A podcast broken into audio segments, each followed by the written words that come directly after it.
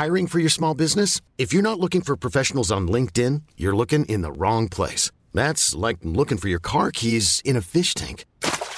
LinkedIn helps you hire professionals you can't find anywhere else, even those who aren't actively searching for a new job but might be open to the perfect role. In a given month, over 70% of LinkedIn users don't even visit other leading job sites. So start looking in the right place. With LinkedIn, you can hire professionals like a professional. Post your free job on linkedin.com slash achieve today. Dit programma wordt mede mogelijk gemaakt door Toto. Graag uw aandacht voor het volkslied van de derde helft.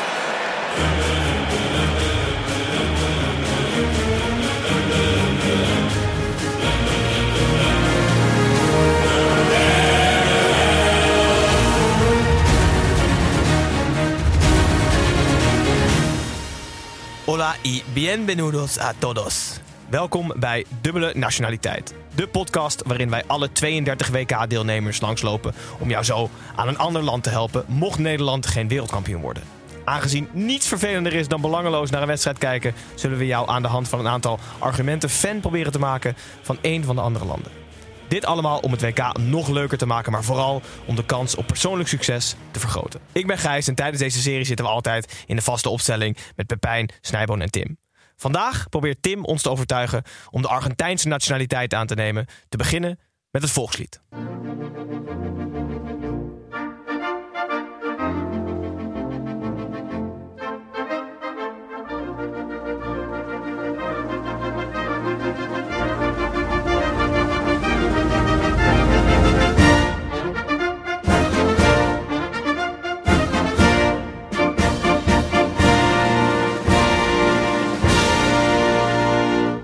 Volkslied, van, het volkslied van Argentinië duurt vier minuten.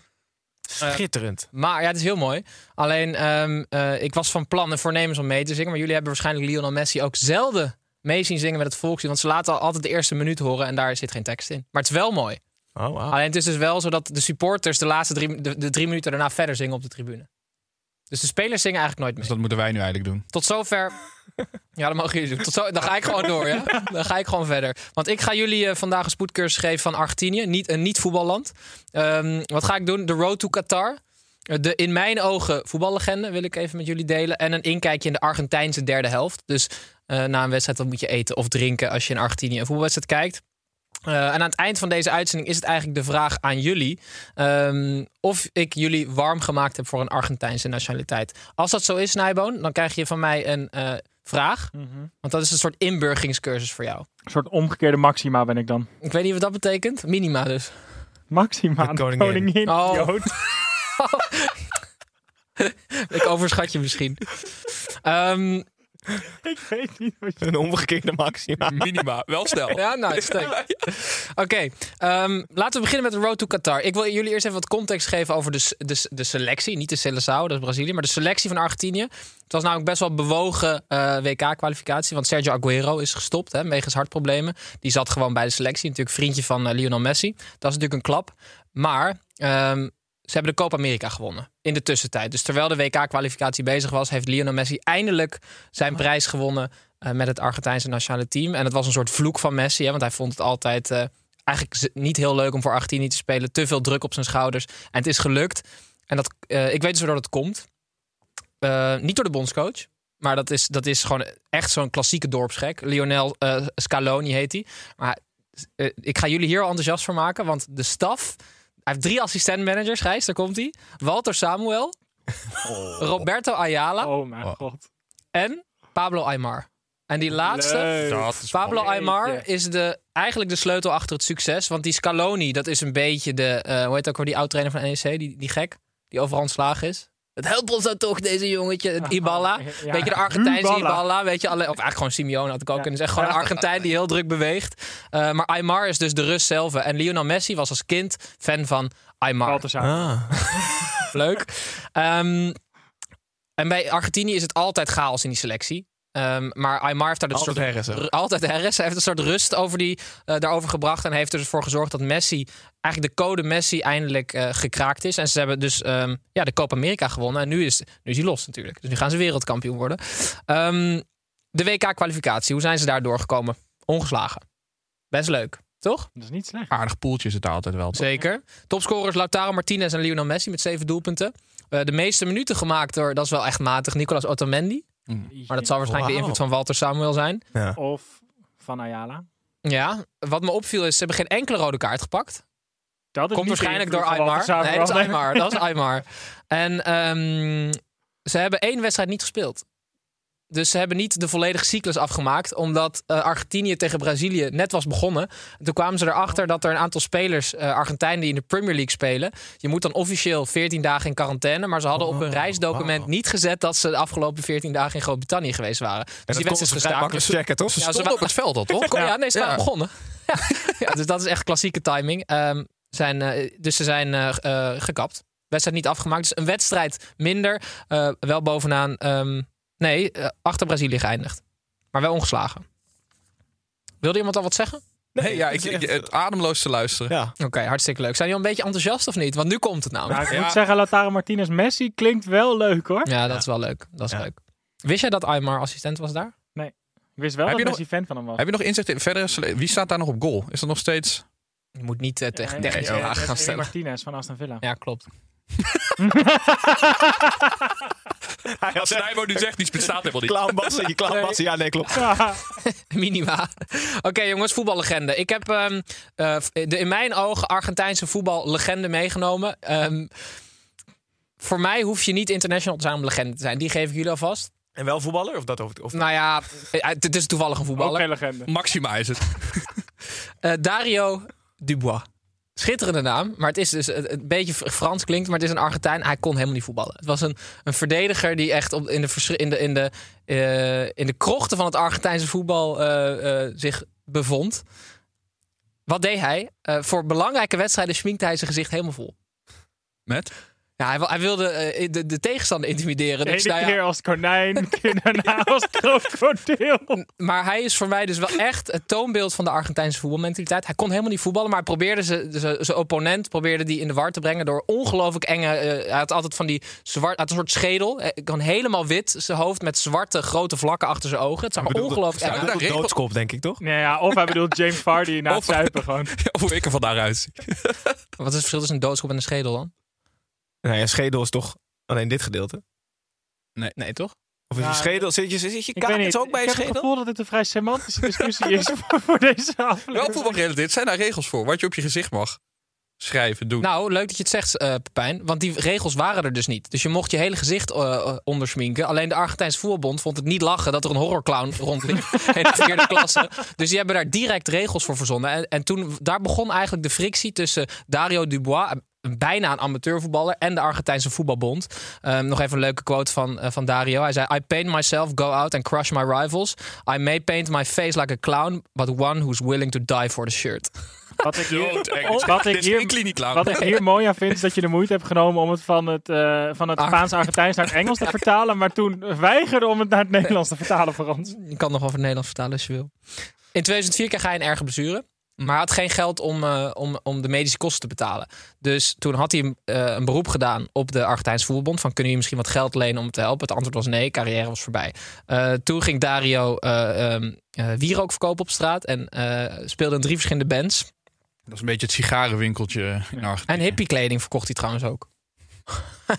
maar goed, hij werd op een avond na een optreden met zijn vriendin fiets hij naar huis.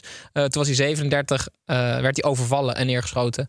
Ehm, in zijn buik en in zijn been. En aan die, over, eh, aan die verwonding overleed hij op 37-jarige leeftijd. Dus het is een beetje een grimmig einde. Ik vind dat je Een zulke dingen altijd moet zeggen voordat we hem al vier keer belachelijk hebben gemaakt. Ja. Omdat we denken dat het goed afloopt. Nu voel ik me helemaal schuldig. Nee, maar ik vind dat sowieso gelul dat als iedereen een soort van als, als dood is, dat je dan aardig moet doen. Over de doden niet Nee, zo ik vind goed het juist heel nou goed ja, dat wel over de doden die zich terwijl ze leefden f- schminkte als lijk. Ja, schedel. Ehm, dus voor mij is hij het toonbeeld van de Argentijnse voetbalmentaliteit. Dario Dubois. Ik vind dat wel ehm, geniaal. Hartstikke leuk. Argentijnse derde helft. Wat, Ik had eh, eh, Maradona verwacht, maar dit vind ik nog... ja, die komt later nog in het verhaal voor. Argentijnse derde helft. Nu. De nationale, Cocaïne, drank, hoeren. de nationale drank van Argentinië is mate. Daar hebben jullie misschien wel eens wat Ja, van gehoord. Ja. Die eh, wordt zes keer zo vaak gedronken als koffie. Ehm, het is een eh, opwekkende drank, vooral door de cafeïne die erin zit. En het wordt gedronken uit zo'n een kalebas houten bol Ja, met ja. een ijzeren Ja, rietje. Het ziet er altijd uit alsof je zo'n Efteling kinderbeker hebt, maar dan voor volwassenen. Ik vind het er heel snel uitzien altijd. Die hele, hele bussen vol met van die gasten met zo'n eh Ja, ding. met zo'n sippy cup komen ze dan eruit. Ja. Maar Pijn, mocht jij straks Argentijn willen worden, half, dan zijn er acht regels voor het drinken van mate. Acht. Het wordt alleen in groepen gedronken, dus het mag niet in je eentje. Oh, Eh, echt waar? Ja, er is, Wauw. er Wie, is wie ziet daar Was dat toe? regel 1? dat, dat is regel Oké, 1. ja. Ja, ja. En groepen is meer dan één. En niet je- 50 Je hebt, en als je, je hebt altijd in Dan heb ik groep, best een groep vrienden. Laat die jongen nou even, hij moet nog Ja, zeven gelijk. regels. Ehm, je hebt altijd één eh, eh, eh, ja, soort van hoofdpersonage in die groep en die moet inschenken. En dat heet de cebador, maar laten we even de schenker, laten we dat even noemen. De eerste kop wordt altijd gedronken door de schenker en de hele groep deelt altijd dezelfde kop.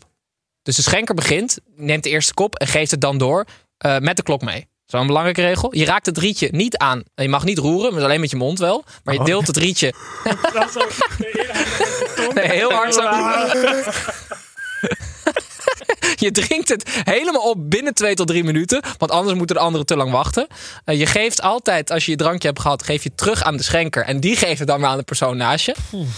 Je Dat zegt, ze economisch probleem hebben daar in dat land. hè? je zegt bedankt tegen de schenker als je niet meer wil. Dus je zegt niet nee, ik hoef niet meer, maar dankjewel zeg je. Dat is een belangrijke regel, anders blijf je maar krijgen. Als je zegt nee, ik wil Nee, niet, ik krijg je. dan krijg je. En als je ziek bent, ehm, dan, ja, en je zit wel in die groep, dus je bent net niet ziek genoeg, maar je voelt je niet helemaal lekker, dan moet je wel tegen die schenker zeggen, moet je hem heel vriendelijk bedanken, want je bent ziek en je gebruikt hetzelfde rietje. Dus een beetje corona-achtig. Acht regels van dat. Dat waren ze. Ehm, Veel moeilijker dan ik dacht, dat Ja, ja, dus- drinken. Even zo'n maten, s ochtends bij het koffieautomaat op werk. Zeker heeft het doorgegeven. en dan werk je bij KPMG. Ehm, de nationale feestdag van Mate is 30 november, dat is tijdens het WK. Dus ik ben benieuwd wat er dan gebeurt op de tribunes. Maar dat ehm, eh, tot zover eigenlijk Argentinië. Dan is de vraag aan jullie. Zijn jullie enthousiast gemaakt? Willen jullie het land van Dario Dubois graag eh, eh, aanmoedigen? Te ja of te nee? Ga je, maak je een rondje of... Pepijn. Nee. Gijs? Ja, ik ook. Oh, ja? Ja, Waarom dan? shit. Ja, nou, ik wil heel graag dat mensen wereldkampioen worden. Eigenlijk gewoon. Oké, goed. Maar je, ik mag later nog wisselen. Ja, zeker. Ja, ze- nee. Dat is belangrijk om te Ja, noemen. ja. Want we zijn nu nog allemaal Nederlands. Ja. Eh, en één van jullie, want dat is ook wel. Er kan maar één, Is ook een Brabander. één van jullie kan met de Argentijnse nationaliteit er vandoor gaan. Eh, dat is eigenlijk degene die als eerste het goede antwoord geeft op de inburgeringscursusvraag. Oké, Zijn jullie er klaar voor? ja hoor. ja. Er is een religie opgericht voor Diego Maradona. Leden spreken van voor Diego en na Diego in plaats van Christus. Dat is leuk. Ehm, het, het geloof heeft tien geboden, zoals de tweede naam van je kind moet Diego zijn. Of wees geen heethoofd en laat de schildpad niet ontsnappen. Ik denk dat dat redelijk vrij vertaald was in Wikipedia. Dan nee, komt de ze hebben die regel gemaakt na de cocaïne. Laten we, laten we doen wie er dichtst bij zit. Hoeveel leden heeft de Maradoniaanse kerk? Wereldwijd. 140.000. 234.000.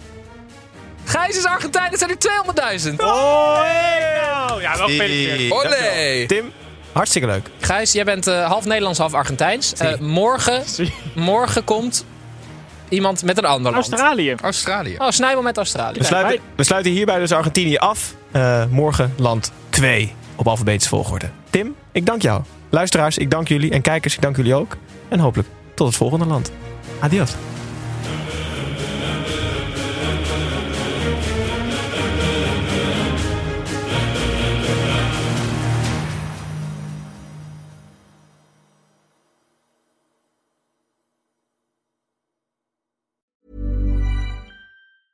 Als je toch de tijd neemt om een podcast te luisteren, dan kan het maar beter je favoriete podcast zijn. En elke maandag in je favoriete podcast-app. Snapt iemand nu dat de podcast ook echt je favoriete podcast heet... en dat het gemaakt wordt door Stefan de Vries, Julia Heetman en Sean Demmers? Waarom praat je over jezelf in de derde persoon? Waarom, waarom, er staat hier Sean Demmers en Julia Heetman. Waarom moet jij nou weer voor mij? Dat ging per ongeluk, Sean. Ja, dat ging per ongeluk. Ja, jezus. Steve, jij moet nog nee zeggen. Oh, nee. Je